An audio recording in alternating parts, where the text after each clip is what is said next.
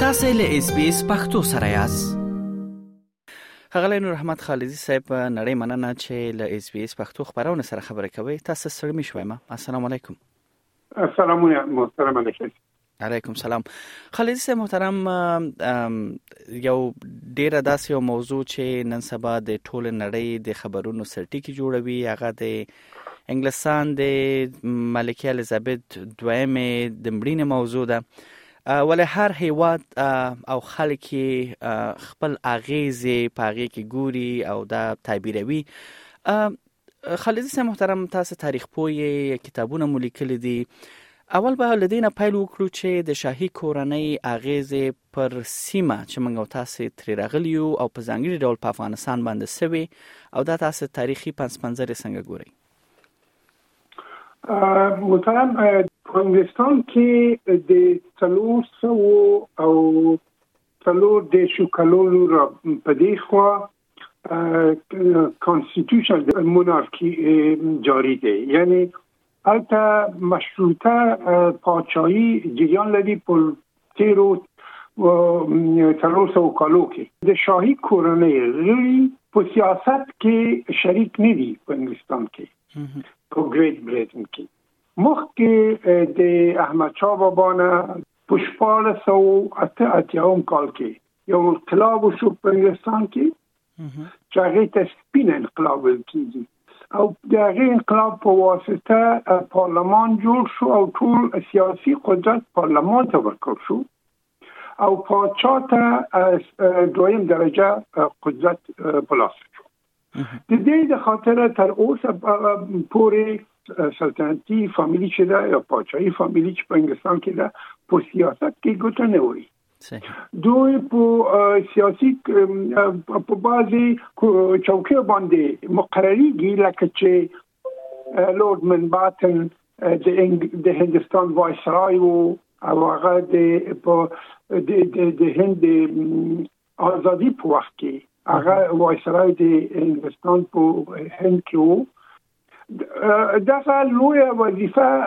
یوازې چې ما په یادېږي دغه د لورد منباتن کارو په یاد لرو چې د انګلستان د سلطنتي فامیلی چې دا دا د نورو اروپאי سلطنتي فامیلو سره ټول سره دا د ارتباطونه لري یو خون شریکی لري یو بل سره کزن دي که د تر زور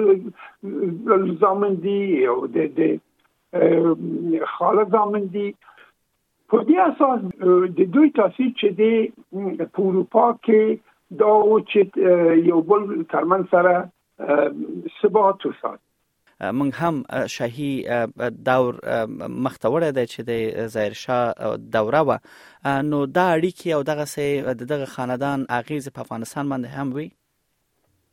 اغیز په دې اساس چې دوی ښه ارتباط روابط درلود د د انګلستان د فامیلی د پاچای کورنۍ او د افغانستان د پاچای کورنۍ سره د ښه روابط درلود الله عزت ظاهر شاه هندوستان ته سفر یې کړی و د ملکي له خوا ډېر باعزته د هغې پذیرای شو همداسې د هغې نه مخکې د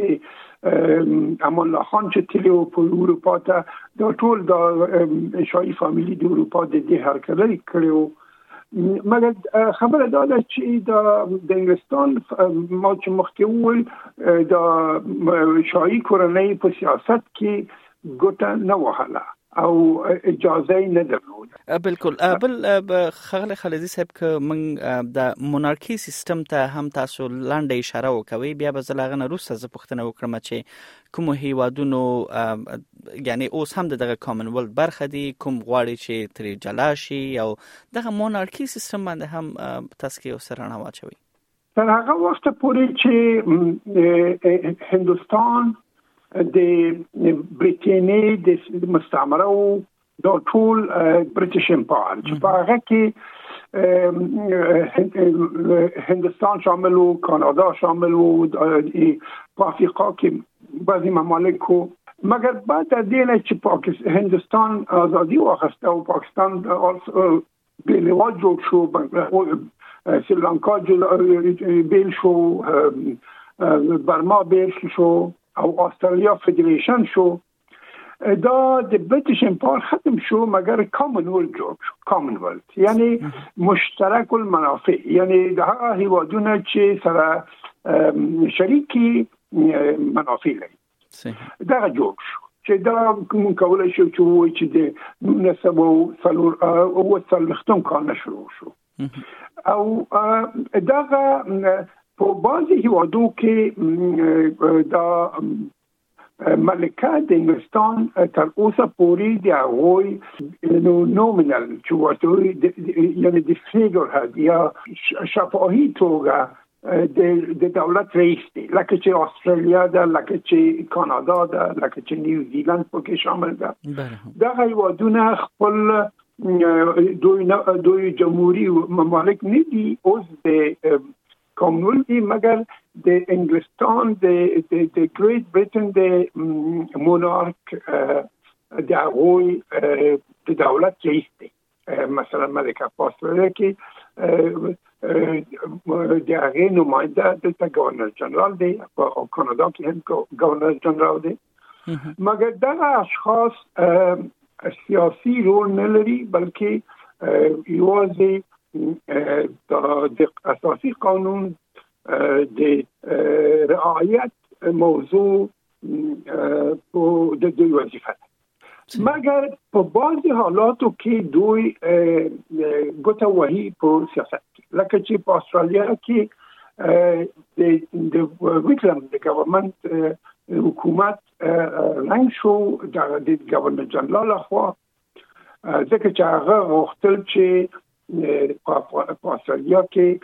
اصلاحات راولي او استرالیا د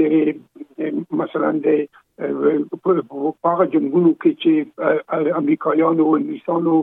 په خوا کولو په هغه کې شریک نشي لکه د ویتنام جنگ چې د استرالیا غوښته چې دا غینه په داس د اخیستو سره خپل مستقل سیاست ولري خو دا د امریکای او د انګلستان په دسیسه دا ګورنر جنرال د استرالیا د صدر اعظم ړنګ او بل شخص په حکومت د جوړېدو مسول مسولیت ورکړ دا غي واسي حادثه تر اوسه پورې په د خلکو په یاد دي چې دلته د شاهي کورنۍ په پاسنی او په سیاست باندې ګټه ویلې ده بل خغلی خلیدي صاحب دا چې شاوخوا 250 هیوادونه یعنی د ملکه الیزابت له هغه وخت کې چې دی هغه شو د غوی همدغه کالونی و د غوی هغه د مستعمره وی لغنه دغه سوال چې کامن ولډ پاتش ول او تر اوسه پورې دی لغه څخه هم ځینې هیوادونه البته د ملکې لمړینې وروسته دوی غواړي چې دوی یعنی ریپابلیکن شي او ځینې ټول پښتنې پر مخه چولې دي او شاهي کورنۍ دا هم ویلي دي چې دوی مخ ته نه درېږي نو څه فکر کوي چې په دغه اوس عصر کې آیا دغه نظامونه لکه د شاهي مونارکی دا د پایښت وړ دی او یا د ملکی له مړینې وروسته کېدای شي چې یو بل پسې دغه هیوادونه هم مستقل شي او بيخي له دغه مونارکي سیستم څخه ووزي دا خبره په ملکه مړینې پسې اړه نه لري خو دا دا چې ملکه مړ شو او نوې پاچال ته تعین شو او په تخت ورسید خو دا خبرې ژوند کړې دي مګر په اصل توګه دا تاثیر نه لري تاثیر هغه شی دی چې خلک په دې هوادونو کې لکه استرالیا کاناډا لکه په اروپا په افریقا کې بعضي ممالک دي لکه کینیا او نور نیوزیلند کې او په د کوم نور هیوادونو کې خلک دا فکر کوي چې استدا ثبات استقرار د سیاسي د کوم څنګه کولای شي چین شي مونږ او تاسو په افغانستان کې دا په خپل د حیات په وخت کې ګورو چې هغه وخت چې داوود خان کودتا وکړ د ځای شاه په مقابل کې او پاتشاهي رنګ کړه د افغانستان سیاسي ثبات خراب شو د افغانستان تاریخي ان انوي سیاسي نظام رنګ شو چې خلک ورته احترام درلود خلک ورته د پودې د قدر پوستر ګولیدو او یو نظام من ستراغه نومي جمهوریت او مګر په عمل کې هیڅ اصول د جمهوریت چې هغه دیموکراسي ده پارلمان ده دا پکې نه داود خان یو دیکتاتور سره و په یو په خپل سر باندې حکومت کولو او مونږ ولیدل چې هماغه کسان چې دی په قدرت رسولي وو دی رنګ کړ او پس د غین افغانستان د خو ورځ نه دی لیدلی تر اوسه پورې خدا دا په خپل یو څه ده یو تجربه ده یو تجربه ده نور هیوادو ته استرالیا کې دا شپږ دیش کال کې چې په استرالیا کې اوسېږم په دې شپږ دیش کالو کې یو وارې دلته ریفراندم وشو چې آیا دا مونارکی د ته دوام ورکو د غالي جنس یا احترام د انګلستان د ملکی ته دوام کی او یا دلته مونږ ریپابلیک کړو جمهوریت مګر دا خلک چې په په اکثریت د اصلي خلک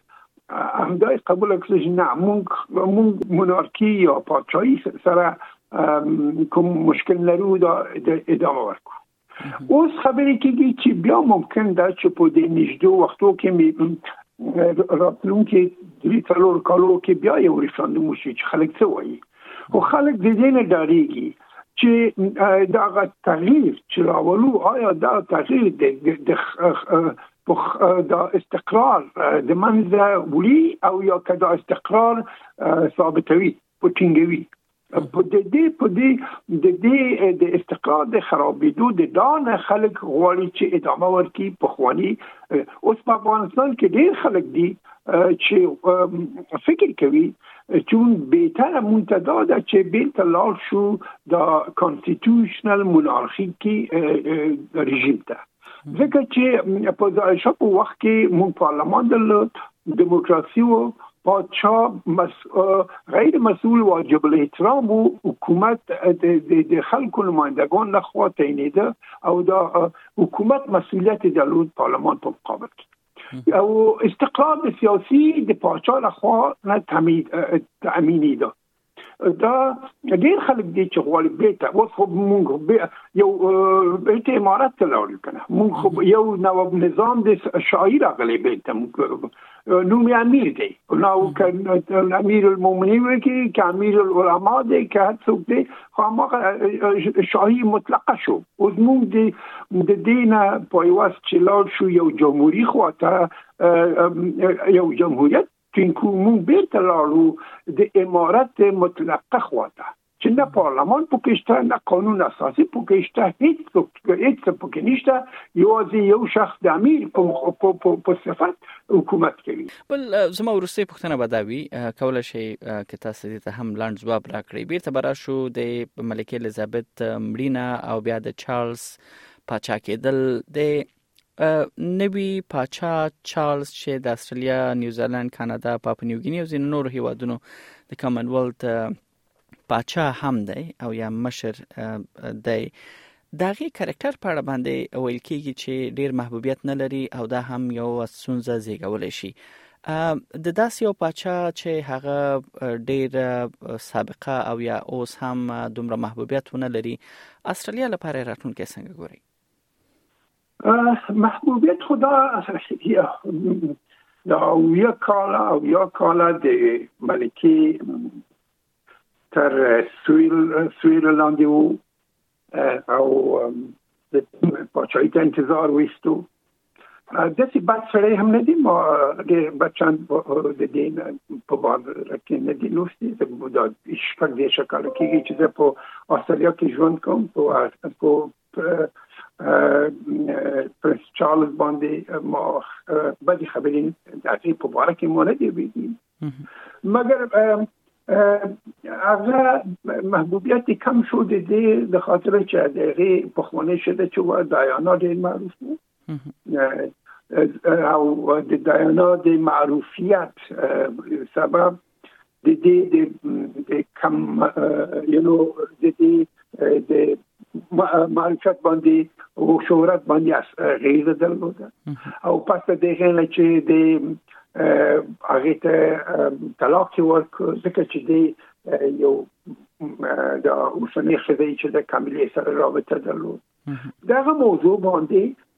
د دې محبوبیت کم شو په په په نړۍ کې په انګلستان کې